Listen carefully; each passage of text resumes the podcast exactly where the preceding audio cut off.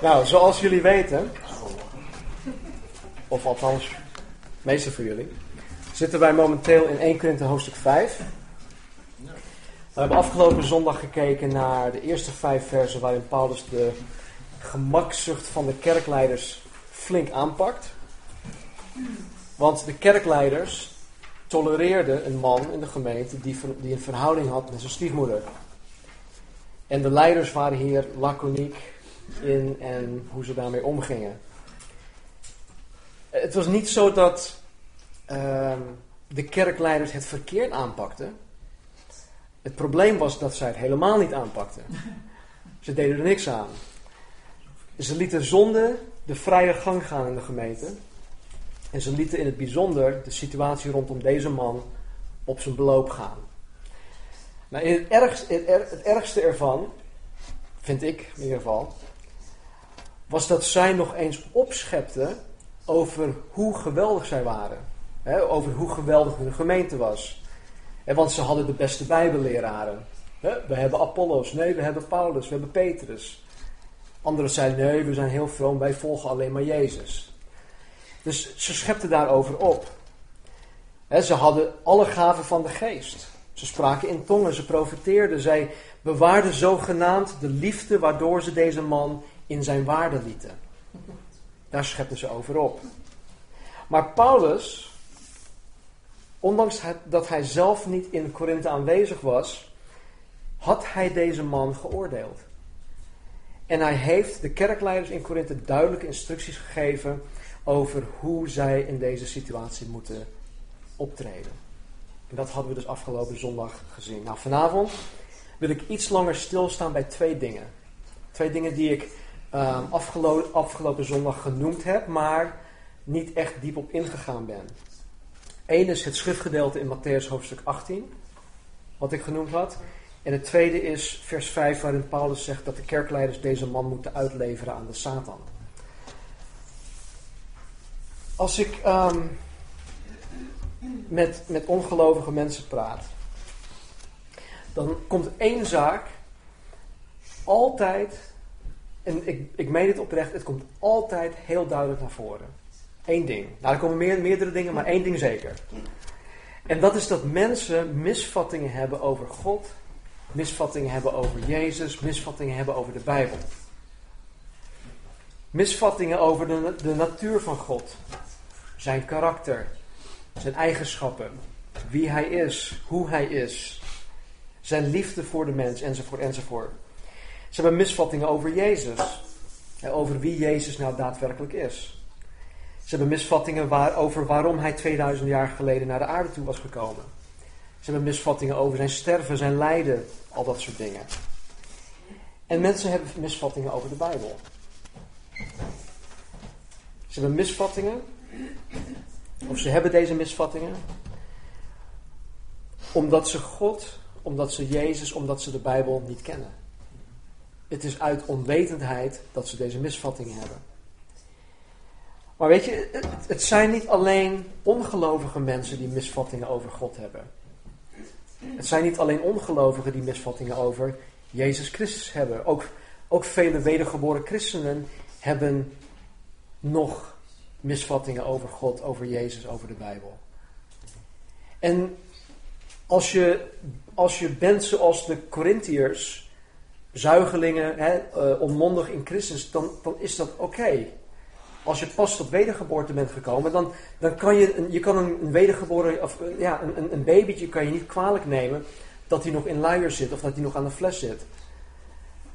Maar je verwacht wel van dat babytje wanneer hij in groep 8 zit, dat hij fatsoenlijk zijn cyclotoets kan afleggen. En het is ook met, met, met ons als christenen als je al een tijdje op, op, op weg bent, dan, dan, dan moet je kunnen verwachten dat je al iets meer weet over God, over Jezus, over de Bijbel. Nou, ik geloof dat een van de grootste redenen waarom wedergeboren christenen misvattingen hebben, is omdat zij niet goed thuis zijn in de Bijbel. Gods woord. Ze hebben het hunzelf, zichzelf niet eigen gemaakt. En ik geloof dat het merendeel van christenen, niet alleen in Nederland, maar wereldwijd, dat het merendeel onkundig is in de Bijbel. Dat het merendeel onontwikkeld is op het gebied van Gods woord. En dit, dit hoeft niet zo te zijn. Ehm, er zijn een aantal basisprincipes uh, waar wij ons aan, aan horen te houden om de Bijbel op de juiste manier te lezen, om het op de juiste manier te, te bestuderen. En um, we gaan een van die basisprincipes vanavond toepassen. Uh, we gaan terug naar het gedeelte in Matthäus hoofdstuk 18, wat ik vorige week genoemd heb. En dan gaandeweg zal ik ook aangeven welke basisprincipes we ook toepassen. Zodat we niet alleen de tekst leren en wat God ons te vertellen heeft vanuit de tekst, maar tegelijkertijd ook kijken met, uh, ja, we gaan kijken naar het proces van hoe we de Bijbel lezen en hoe we dat horen te lezen. Nou, Matthäus hoofdstuk 18. Beginnend met vers 15. Ik lees het even in het geheel voor uit uh, de nieuwe Bijbelvertaling. Vervolgens ga ik het vers voor vers behandelen vanuit de herziene statenvertaling. Ja, daar, daar, heb ik een reden voor, maar daar kom ik straks op terug. Jezus zegt tegen zijn discipelen: Als een van je broeders of zusters tegen je zondigt, moet je die daarover onder vier ogen aanspreken. Als ze luisteren, dan heb je ze voor de gemeente behouden. Luisteren ze niet, neem dan één of twee anderen mee zodat de zaak zijn beslag krijgt dankzij de verklaring van tenminste twee getuigen. Als ze naar hen niet luisteren, leg het dan voor aan de gemeente. Weigeren ze ook naar de gemeente te luisteren, behandel hen dan zoals je een heiden of een tollenaar behandelt. Ik verzeker jullie, al wat jullie op aarde bindend verklaren zal, bindend verklaren, zal ook in de hemel bindend zijn. En al wat jullie op aarde ontbinden, zal ook in de hemel ontbonden zijn. Ik verzeker het jullie nogmaals, als twee van jullie hier op aarde eensgezind om iets vragen, wat het ook is, dan zal mijn Vader in de hemel het voor hen laten gebeuren. Want waar twee of drie mensen in mijn naam samen zijn, ben ik in hun midden. Tot zover, zegt Jezus. Nou, Jezus geeft zijn discipelen in Matthäus hoofdstuk 18, hij geeft ook ons duidelijke instructies over de manier waarop kerkelijke tucht uitgeoefend uh, dient te worden. of hoe disciplinaire maatregels uh, getroffen moeten worden binnen de gemeente. En daar gaat dit schriftgedeelte over. Matthäus 18, 15 tot en met 20 gaat over kerkelijke tucht. Het gaat over disciplinaire maatregels. Dus alles wat vanaf vers 15 tot en met vers 20 staat, alles staat er in de context van kerkelijke tucht. Ja? Vers 15 vanuit herziende statenvertaling. Maar als uw broeder tegen u gezondigd heeft, ga naar hem toe en wijs hem terecht tussen u en hem alleen. Dus onder vier ogen. Als hij naar u luistert, hebt u uw broeder gewonnen. Jezus zegt dat wanneer een broeder of zuster in de Heer iets tegen jou doet dat niet hoort, dat je het recht hebt, sterker nog, dat je de verplichting hebt om het met hem of haar onder vier ogen te bespreken. We hebben het recht en we hebben zelfs de verplichting om het met die persoon, die persoon, niet onder elkaar, maar met die persoon onder vier ogen te bespreken. Dat is één. Dus je moet het met de desbetreffende persoon bespreken. Niet met een ander. Je hoort er ook niet over te gaan roddelen. En het doel van dit gesprek, van, van deze, ja, misschien is het een confrontatie. Het doel hiervan is om die persoon te winnen. Te winnen voor jezelf, in je eigen relatie met die persoon, zodat er geen oneenigheid is tussen jullie. Ook te winnen voor de gemeente, zodat de persoon in kwestie de gemeente niet wegga, uh, verlaat. Dus het doel is om iemand te winnen. Voor jezelf, voor de gemeente, ook voor die persoon. Dus alhoewel het confronterend kan zijn voor jezelf, maar ook voor die persoon, de bedoeling is, is dat je tot een goed ehm, result, resultaat komt.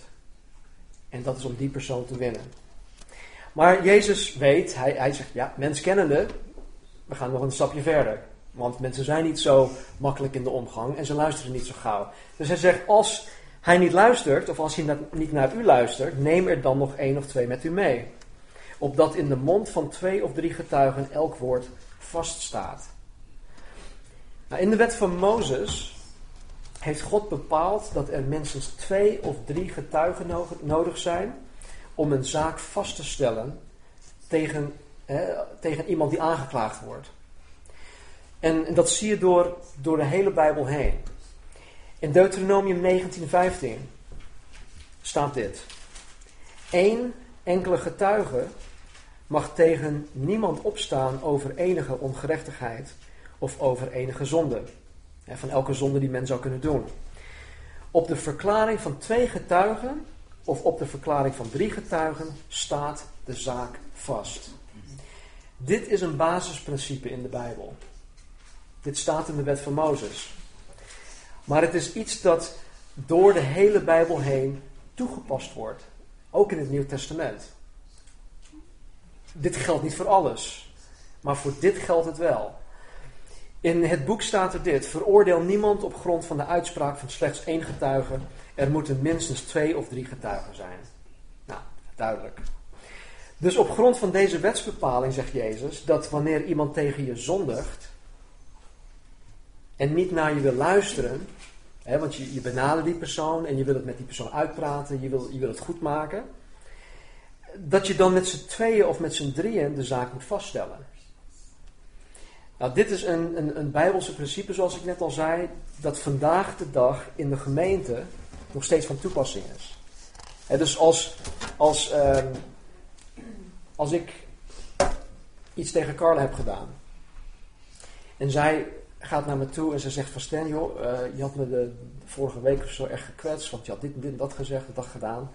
En ik zeg, joh, boeien, ik ben de voorganger. Uh, even, uh, ik mag zeggen. Ja, ik mag zeggen wat ik wil. Nee, dat, dat kan niet door de beugel natuurlijk. En dan gaat ze naar Rob toe. Hé Rob, joh, weet je wat Stan? En Rob gehouden en wat Stan tegen me gezegd had. Zeg ik tegen. Ja, ja. nou, dan gaat Rob Bert waarschijnlijk bellen. Hey, joh, dit en dit is het geval. laten we met Stan praten. Nou, dan komen ze met z'n drieën naar me toe ja, dan kan, dan kan ik zeggen van nee joh, dat is helemaal niet gebeurd joh, mijn woord tegen haar woord, uh, oh, hoop gezamenlijk. Nou goed, zover zal het nooit komen, maar het kan. En, en, en zo, hè, dus dat, dat horen wij ook gewoon ja, op die manier um, uh, te behandelen. Nou, nog een stapje verder, in vers 17. Als hij niet naar hen luistert, dus de twee of drie die je meegenomen hebt, Zeg het dan tegen de gemeente. En als hij ook niet naar de gemeente luistert, laat hij dan voor u als de heiden en de tollenaar zijn. Nou, dit is heel radicaal. Ik, ik, ik ken een gemeente, het is geen Calvary Chapel trouwens, maar ik ken een gemeente waar, waar, waarin de, de voorganger echt een hele goede bijbelleraar is. Hij is trouw aan het woord, heel, heel vast aan het woord. En hij, hij, hij past dit ook letterlijk toe. Dus om de zoveel tijd, dan zijn er in de mededelingen of er is een soort aankondiging van uh, broeder Marcel de Haan. Die is door die en die benaderd, maar die is uh, hardnekkig hierin en hij wilde zich niet bekeren en bla bla bla. En dan wordt het gewoon aan de gemeente voorgelegd. Dus dat is heel, heel radicaal. Maar het staat hier wel, hè? Het staat hier wel. Dus zijn we trouw aan Gods woord of doen we water bij de wijn? Omwille van vrede en oh nee, dat kan je niet maken, want het is politiek niet correct, bla bla bla. Dus, als hij niet naar hen luistert, zeg dan tegen de gemeente. Als hij niet naar de gemeente luistert, laat hem dan voor u zijn als de heiden en de tollenaar. Dus Jezus is super radicaal hierin. Jezus neemt kerkelijke tucht heel serieus. En Jezus is niet bezorgd over hoe die persoon zich hierdoor zou voelen. Eventueel. Wanneer iemand niet naar jou naar twee of drie of zelfs naar de hele gemeente wil luisteren, dan is het zaak om die persoon te behandelen als een heiden of een tollenaar. Nou, what does that mean? Nou, ik geloof dat dit simpelweg betekent dat wij die persoon niet meer moeten behandelen als een broeder of zuster waarmee wij innige christelijke gemeenschap hebben, fellowship met elkaar. En want het is een voorrecht om deel uit te mogen maken van de plaatselijke gemeente. Althans, het hoort een voorrecht te zijn. En als, als wij die persoon behandelen als een heiden of tollenaar, dan behandelen wij die persoon alsof hij of zij buiten de gemeente van Jezus Christus staat. Dus hij, maakt, hij of zij maakt niet meer deel uit van wat wij samen beleven met God en in onze samenkomsten en in onze fellowship en thuis of, of, of whatever. Die persoon wordt daar, daarvan buitengesloten. Die persoon mag niet meegenieten van alle zegeningen die wij met elkaar en met Jezus hebben. Die persoon, zegt Jezus, moeten we uit ons midden wegdoen. Maar, dit is heel belangrijk, maar, zoals wij de heiden en de tollenaar, die buiten de gemeente zijn, de ongelovigen, voor Jezus Christus horen te winnen, horen wij ook deze broeder of zuster te winnen. Dat is het doel van kerkelijke tucht. Het is nooit om iemand gewoon uit ons midden weg te doen en zeggen, ja, prettige wedstrijd en uh, misschien zie ik je ooit in de eeuwigheid. Nee, we proberen die persoon te winnen. En alhoewel wij als gemeente of wij als individu misschien niet degene zal zijn om die persoon terug te winnen. Want misschien gaat die persoon naar een andere, andere kerk toe. Misschien gaat die persoon verhuizen naar een ander land. We zullen die persoon nooit meer terugzien. Dus alhoewel wij het misschien niet zullen zijn die persoon terugwint, het moet wel onze houding zijn om die persoon terug te winnen. Al spreken we die persoon nooit meer. Onze hartsgesteldheid moet altijd zijn van, hé, hey, als ik die persoon ooit tegenkom bij de Dirk van de Broek of waar dan ook, of aan de andere kant van de wereld, dat je niet dit doet van, oh moesje, daar heb je die. Nee, we moeten oprecht zijn daarin en we moeten die, die persoon gewoon recht in de ogen kunnen kijken. Vers 18. Voorwaar, ik zeg u, alles wat u op de aarde bindt, zal in de hemel gebonden zijn. En alles wat u op de aarde ontbindt, zal in de hemel ontbonden zijn. Hier zegt Jezus tegen zijn discipelen en dus ook tegen de kerkleiders van vandaag, dat zij met dezelfde autoriteit als die van Jezus Christus zaken bindend en ook weer ongedaan kunnen maken.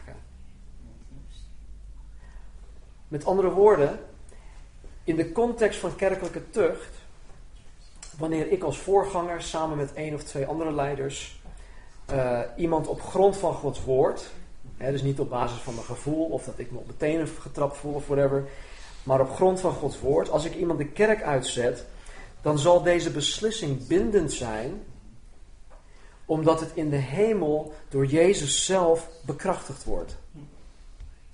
Wat wij hier op aarde binden, zal door Jezus Christus in de hemel ook bindend verklaard worden. Hij bekrachtigt het.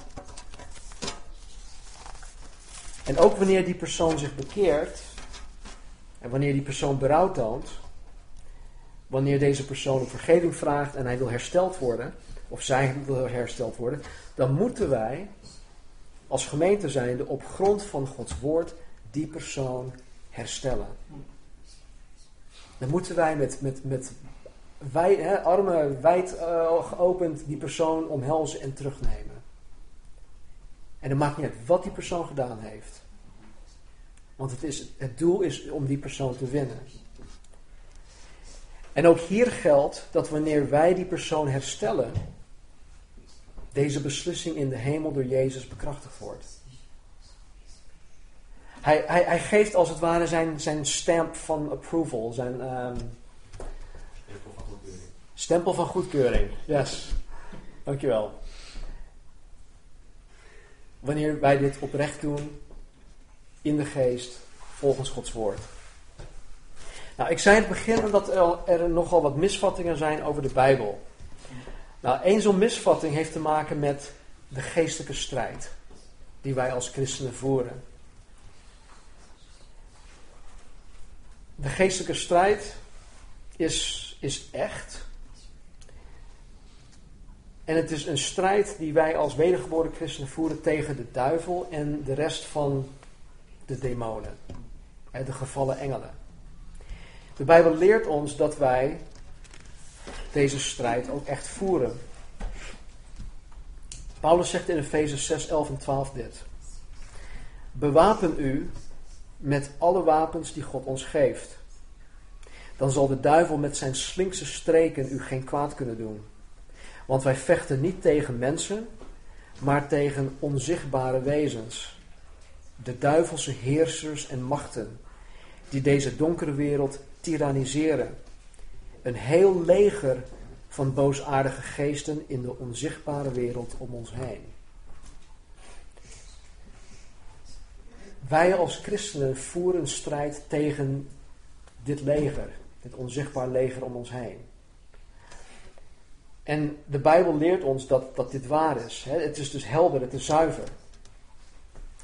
Maar ik denk dat, dat sommigen de plank volkomen misslaan omdat ze verkeerde, ehm, verkeerde wapens gebruiken in deze strijd.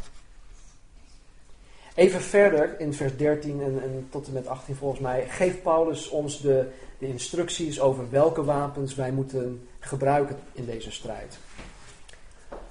Maar daar, daar ga ik het vanavond niet over hebben. In sommige kringen wordt dit tekstgedeelte in Matthäus 18, 15 tot en met 20, ehm, geheel uit zijn context gehaald. En men misbruikt het idee van het binden en losmaken. Of het binden en ontbinden. Ik kan me nog ehm, heel goed herinneren toen ik uh, pas tot geloof was gekomen, ik was een jaar of 12, 13. Toen gingen we naar een uh, Dutch Assemblies of God en vervolgens naar een andere Pinkstergemeente. En um, daar heb ik mijn, mijn roots, hè, mijn, ja, de basis. Uh, zo, op die manier heb ik Jezus Christus leren kennen, in die context. En ik kan me nog goed herinneren dat tijdens de, de diensten dat de, of de voorganger, of het was een oudste, of het was een assistentvoorganger, ik wist het al, maar ik weet al niet meer. Dat deze, mensen voor, dat, dat deze mensen voor andere mensen gingen bidden. En ze werden naar voren geroepen, handen werden opgelegd en ze gingen bidden. Daar is op zich niks mis mee. En het maakte bijna niet uit waar er voor gebeden werd. Maar het, het, het had bijna altijd te maken met het binden van Satan. Als iemand ziek was, dan werd er echt hardop gestreden. Ik, ik, echt hardop. Er werd geschreeuwd. Er werd geschreeuwd. Er werd echt geschreeuwd. En uh, dan, dan, staan ze naar boven, die mensen, en, en drie of vier gasten bovenop een persoon.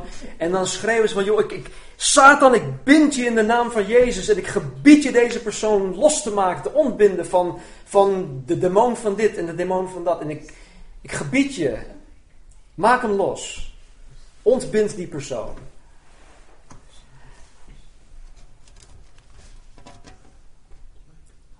In die, ja, ik weet dat ze het goed bedoelen. Maar ze nemen deze tekst uit Matthäus 18 uit zijn context, waardoor ze eigenlijk weinig bereiken met al hun inspanningen. Want het is niet volgens de voorschriften die God ons geeft. Je kan je heel druk maken over dingen, maar je slaat de plank mis. Nou, ik weet, ik, ik heb het nu over 30 jaar geleden. Maar er is heel weinig veranderd. Want dat gebeurt vandaag de dag nog steeds. Vers 19. Verder zeg ik u, zegt Jezus, als twee van u op de aarde iets, wat dan ook, eenstemmig verlangen, het hun ten deel zal vallen van mijn Vader die in de hemelen is. Nou, nogmaals, in de context van kerkelijke tucht zegt Jezus dat wanneer wij iets eenstemmig verlangen, het ons gegeven zal worden. Wanneer wij in alle oprechtheid, wanneer we ons eigen hart hebben onderzocht, conform Gods woord, hè, wanneer wij een beslissing nemen omtrent, omtrent disciplinaire maatregels, en wanneer we God vragen om het te bevestigen, dan zal God het doen. Gegarandeerd. Hij geeft ons hier die belofte. Punt uit. Maar ook hierover zijn misvattingen. En ook deze tekst wordt vaak misbruikt. Welmenende christenen zeggen dat wanneer twee mensen iets eenstemmig verlangen, dat God de Vader het je zal geven. Met andere woorden, het maakt, en het is wel heel extreem wat ik nu zeg, maar het maakt in principe niet uit wat je vraagt, als je het maar eenstemmig verlangt. Dan zal je krijgen. En weet je, het kan heel iets oprecht zijn dat je aan God vraagt. Iets waar je met een ander geheel over eens bent. Maar wat Jezus hier zegt, heeft heel specifiek te maken met kerkelijke tucht. Het is dus geen carte blanche. Het is, het, je kan het niet gebruiken als een basis voor een soort garantie dat God bepaalde verlangens zal realiseren. En dan in vers 20 geeft Jezus ons de reden waarom God de Vader het ons zal geven. Want waar twee of drie in mijn naam bijeengekomen zijn, daar ben ik, zegt Jezus, in hun midden. Jezus zegt dat waar twee of drie getuigen in zijn naam bijeengekomen zijn om disciplinaire maatregels te treffen, hij in hun midden is om de zaak te bekrachtigen, om de zaak te bevestigen. Weet je, het is namelijk niet zo dat wij, dat wij uit onszelf, of we nu leiders zijn of niet, dat maakt allemaal niet uit, maar dat wij uit onszelf de autoriteit hebben en dat God de Vader naar ons luistert. Maar het is Jezus Christus in ons, het is Jezus Christus onder ons, het is Jezus Christus met ons, die zijn goedkeuring op ons besluit plaatst, waardoor God de Vader het ons geeft. Weet je, op afgelopen week in, in 1 Korinthe hoofdstuk 5, die hele lange zin van vers 3 tot en met 5, zegt Paulus hè, dat in de naam van Jezus, wanneer jullie samen zijn gekomen, in de naam van Jezus en in de kracht van Jezus dit besluiten. Nou, daar heeft hij het over. Het is Jezus die het uiteindelijk bekrachtigt. In ons, onder ons en door ons heen. Het is niet omdat ik zo slim of wijs ben, of dat ik autoriteit heb. In Christus heb ik het wel, maar zonder Christus helemaal niet. Dus het is Jezus die, die het vaststelt. Dus nogmaals, in de context van kerkelijke tucht zegt Jezus dat Hij als de doorslaggevende getuige ehm, optreedt in zo'n situatie waardoor de zaak vastgesteld wordt. Hij is degene die de doorslag geeft. En ook over vers 20 zijn wat misvattingen over. Nou, dit, ik vind het geen ernstige misvatting. Het heeft ook helemaal geen ernstige gevolgen. Maar nu we toch bezig zijn, is het, vind ik, ja, wel goed om, om het op de juiste manier te zien en het ook op de juiste manier te gebruiken. Eh, hoe vaak wordt er niet gezegd dat wanneer we samenkomen, dat waar twee of drie vergaderd zijn in zijn naam, dat Jezus in ons midden is? En dat is ook zo. Het is waar. Maar het punt is, is dat Jezus dit hier in Matthäus niet zo bedoelt. Het is waar. Want of we nu met z'n tweeën eh, samen zijn of met z'n drieën, is hij in ons midden. Maar weet je, hij is er ook als ik in mijn eentje op het strand wandel. Of als we hier met z'n duizenden zitten, dan is hij er ook. Dus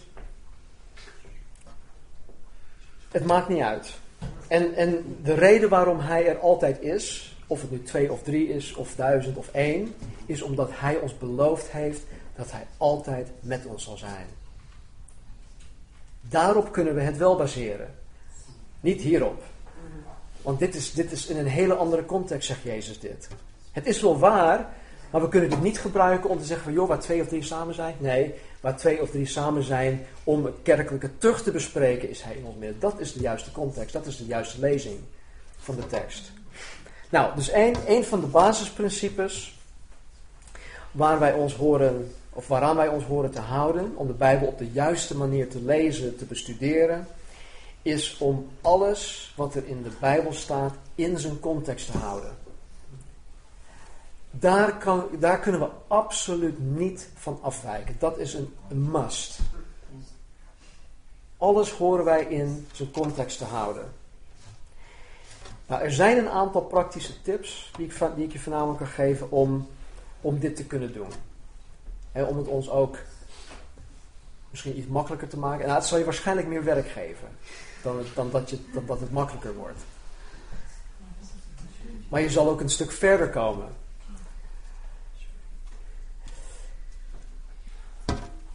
Wanneer je een Bijbelvers leest, lees dan het hele hoofdstuk. Desnoods lees je ook één of twee hoofdstukken daarvoor en één of twee hoofdstukken daarna. Het hangt er vanaf wat voor, wat voor Bijbelboek het is. Maar probeer in ieder geval de gewoonte ehm, te maken van, om, om niet alleen een Bijbeltekst te lezen, maar ook wat ervoor staat en wat, er, wat ernaast staat, wat erachter staat. Als je een e-mail ontvangt en het bestaat uit één of twee of drie alinea's, dan pak je niet willekeurig één regel uit het midden en dan lees je dat en dan sluit je het mailtje af. Toch? Laten we eerlijk zijn. Misschien als je mijn mailtje krijgt wel, maar goed. Nee, maar dat doen we niet. En zo hoort het ook met de Bijbel te zijn. Als we de Bijbel lezen, dan, dan nemen we niet één, één Bijbelvers uit zijn context en we vergeten alles wat er omheen zit. Nee, we lezen wat ervoor staat, we lezen wat erachter staat. Wat je ook kan, kan doen, of eigenlijk wat je ook moet doen, is jezelf een aantal vragen stellen wanneer we de Bijbel lezen. En vragen zoals, wie spreekt er in dit gedeelte? Wie spreekt hier nou? Nou, in Matthäus 18 was het Jezus die sprak. In ander schriftgedeelte kan het zijn dat de schrijver zelf spreekt. In handelingen zien we vaak dat Lucas het woord nam. Of in, in, in, in de brieven van Paulus heeft Paulus het woord vaak. En, en, zo zijn er verschillende sprekers die in de, in de Bijbel spreken. In het, Oud Testament, in het Testament komt het vaak voor dat, dat God zelf spreekt. Hè, door middel van een profeet. Staat zo zegt de Heer. Dus het is, het is God zelf die spreekt. Maar hoe dan ook, het is belangrijk te weten wie spreekt. Het is ook belangrijk te weten tegen wie er wordt gesproken. Dus stel jezelf de vraag: tegen wie wordt hier gesproken? In Matthäus 18 spreekt Jezus tot zijn discipelen. Als we alleen hoofdstuk 5, of 18, vers 15 tot 20 nemen, dan weet je dat niet. Want er staat alleen dat gedeelte wat we net voorgelezen hadden. Dus wat je moet doen om daarachter te komen, moet je teruggaan naar vers 1. En in vers 1 van Matthäus 18 geeft Matthäus ons de clue. Op dat moment kwamen de discipelen bij Jezus en zeiden: Wie is toch de grootste in het koninkrijk der hemel? En Jezus riep kind bij zich en zette dan dat in hun midden. Nou, hij gaat dan verder in zijn verhaal. Maar waar het op neerkomt is dat de discipelen bij Jezus kwamen. Wie kwam na bij Jezus? De menigte? Nee, de discipelen. En vervolgens gaat hij hun onderwijzen. Dus tegen wie wordt hier gesproken? Nou, in dit geval spreekt Jezus tot zijn discipelen. Het is ook belangrijk tegen wie gesproken wordt. Veelal spreekt God in het Oude Testament tegen Israël. En alhoewel wij er heel veel lessen uit kunnen halen, en dat zegt Paulus ook, het is voor onze lering is dat vastgelegd, zijn deze dingen vaak echt specifiek voor Israël. Ze zijn specifiek voor Israël bedoeld en niet voor de gemeente van Jezus Christus. Dus um, ja, daarin, daarin moeten wij onderscheid maken. als iets voor Israël is bestemd of als iets voor ons is bestemd. Heel belangrijk, want we kunnen die dingen door de war halen. En er zijn ook kringen die menen dat de gemeente van Jezus Christus geestelijk Israël is. Met andere woorden, wij zijn een soort vergeestelijking van, van Israël geworden. Dus alles wat, wat betrekking heeft op Israël in het Oude Testament, heeft ook betrekking op ons. Maar dat is niet waar. Wij zijn de gemeente, wij zijn een heel ander iets. Wij zijn iets van een heel ander verbond. En dat moeten we echt gescheiden kunnen houden. Dus het is belangrijk ook te vragen um, tot wie er, of tegen wie er gesproken wordt. Uh, wat wordt er precies gezegd? In Matthäus sprak Jezus specifiek over de kerkelijke tucht in dit gedeelte. En zo ook in de rest van de Bijbel is het noodzakelijk om erachter te komen wat er gezegd wordt. Wat is de inhoud van de boodschap? Als je niet weet wat er gezegd wordt, dan ga je het ook niet snappen. Echt niet. Andere vraag is: wanneer gebeurt datgene waarover gesproken wordt? Of wanneer hoor je het toe te passen? In Matthäus 18 zagen wij dat wij dit horen toe te passen wanneer iemand in de gemeente tegen je zondigt. Of überhaupt hardnekkig blijft zondigen. En in dit geval is het natuurlijk ja, super belangrijk om te weten wanneer we dit horen toe te passen. Dat we dit niet zomaar te pas en te onpas gebruiken. Om elk ja, wasje. En ook met bijvoorbeeld toekomstige zaken, zoals de opname van de gemeente. Of de wederkomst van Jezus Christus. Met deze zaken is het belangrijk te weten of het reeds gebeurd is of dat het nog moet gebeuren. Belangrijk. Wanneer gebeurt datgene waarover gesproken wordt? Andere vraag is, waar vindt het gesprokene plaats? Waar bevinden de betrokken zich, hè, geografisch, maar ook geestelijk? Hoe staan ze er geestelijk voor? Wat is de scope of de, de rijkwijde van datgene dat gezegd wordt? In Matthäus 18 is de rijkwijde beperkt tot de gemeente van Jezus Christus. Het is iets dat alleen in de gemeente toegepast dient te worden, dus niet in de wereld. Het heeft geen zin als we dat buiten de kerk proberen toe te passen. Andere vraag is: waarom wordt dit gezegd? Of waarom wordt dit vastgelegd? In Matthäus zien wij, of Matthäus 18 zien we dat de woorden van Jezus ons instrueren hoe wij met kerkelijke tucht om moeten gaan. Maar de reden, de waarom-vraag, de reden is dat de persoon in kwestie gewonnen dient te worden. De persoon moeten we winnen. Dat is de waarom van dit gedeelte. En als laatste, hoe moet datgene gebeuren wat er staat? Hoe moeten we het doen? In Matthäus 18 geeft Jezus ons duidelijk, stap voor stap, instructies over hoe we dit moeten doen. Het is totaal zinloos als je niet weet hoe je het woord van God moet toepassen. Dus de hoe-vraag is essentieel. We kunnen niet zonder ehm, jezelf te vragen van hoe, hoe moet dit nou? Hoe moet ik dit toepassen in mijn leven? En als je jezelf, als je daar een gewoonte van gaat maken, en ik hoop dat jullie het ook echt gaan doen, wanneer je de Bijbel leest, dat je jezelf vragen gaat stellen van joh, hoe, wanneer, waar, wie en, en dat soort dingen. Het, is, het, zal even wennen zijn, want het, het geeft je veel meer werk. Het is, het is minder makkelijk lezen. Maar je zal er veel meer uit krijgen. Je zal ook, als je dat nooit eerder gedaan hebt, zal je naar die verwijzingen kijken in je Bijbel. Die hele kleine lettertjes. Ze zijn ook klein genoeg, maar goed, die hele kleine. Maar dan, dan zal je ook de verbanden gaan zien in de Bijbel. Ja, ik had het over ehm, dat, een, dat een zaak door, door twee of drie vastgesteld moet worden. Nou, in het Nieuw Testament staat, staat dat volgens mij uh, tot, tot vijf maal toe. In verschillende situaties wordt dat toegepast. Paulus zegt ook in 1, 1 Timotheus als iemand een, een, een klacht indient over een voorganger of over een oudste, moet je daar geen gehoor aan geven, tenzij het door twee of drie bevestigd wordt. Dus dat is iets wat, wat door de hele Bijbel heen van toepassing is. En zo zijn er veel meer dingen. Ehm, ik zei dat we ook nog zouden gaan kijken naar ehm, het gedeelte over Paulus, wat hij zegt over de kerkleiders, dat ze deze man moeten uitleveren aan de Satan.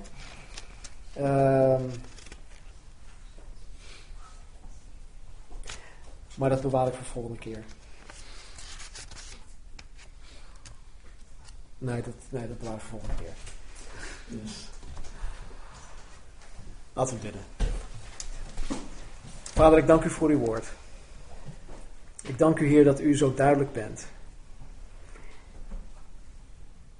En Heer, ik dank u dat u ons, uh, dat u ons leert. Dat u ons leraren heeft gegeven, Vader, in uw gemeente, in uw lichaam, om ons te instrueren. En Heer, ik weet zeker dat als wij deze basisprincipes ook toepassen, Heer, dat we alles in, in de juiste context lezen en bestuderen. Vader, als wij de, de vragen stellen van, van wie, waar, waarom, wanneer, hoe, Heer, dat u ons veel meer zal gaan openbaren, Heer, over uw woord, over uzelf, over uw zoon, over onszelf.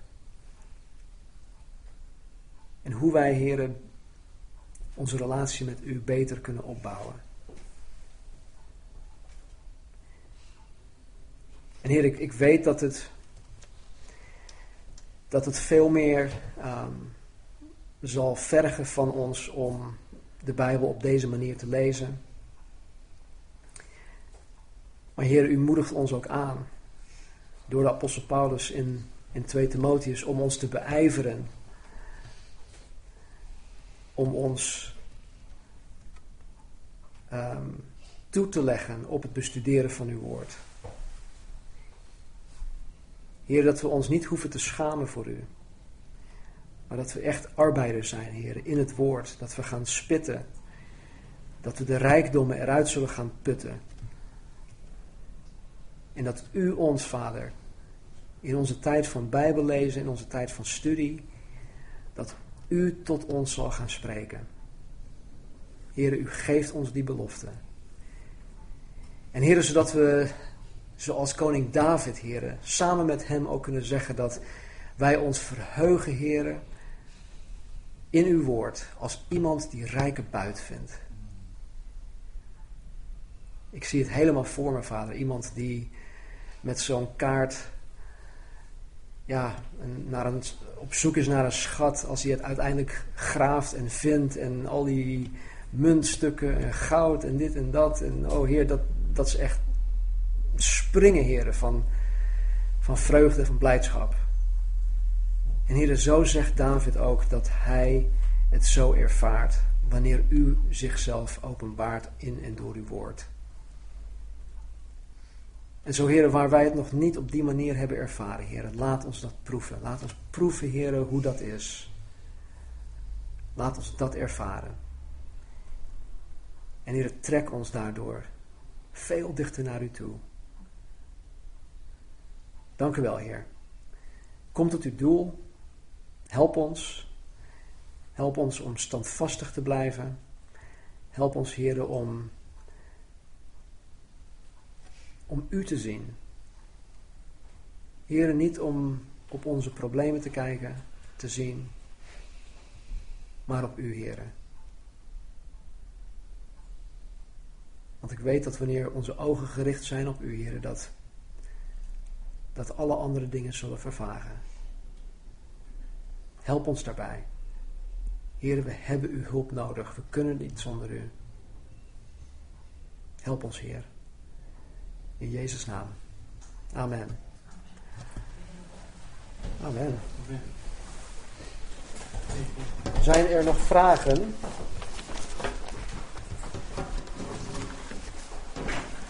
Opmerkingen?